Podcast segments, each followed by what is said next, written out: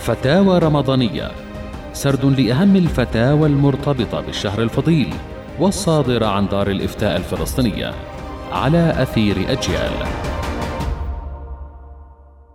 السؤال ما حكم من عجز عن الصوم لكبر أو مرض مزمن يصعب علاجه؟ فماذا عليه؟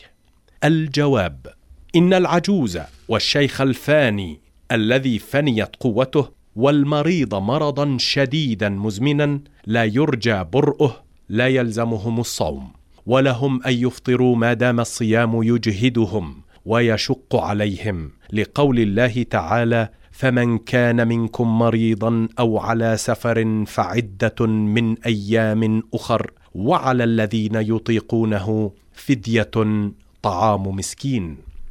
وقال ابن عباس رضي الله عنهما في قوله تعالى وعلى الذين يطيقونه فدية ليست منسوخة وهو الشيخ الكبير والمرأة الكبيرة لا يستطيعان أن يصوما فيطعمان مكان كل يوم مسكينا أي بقدر صاع من غالب قوت البلد.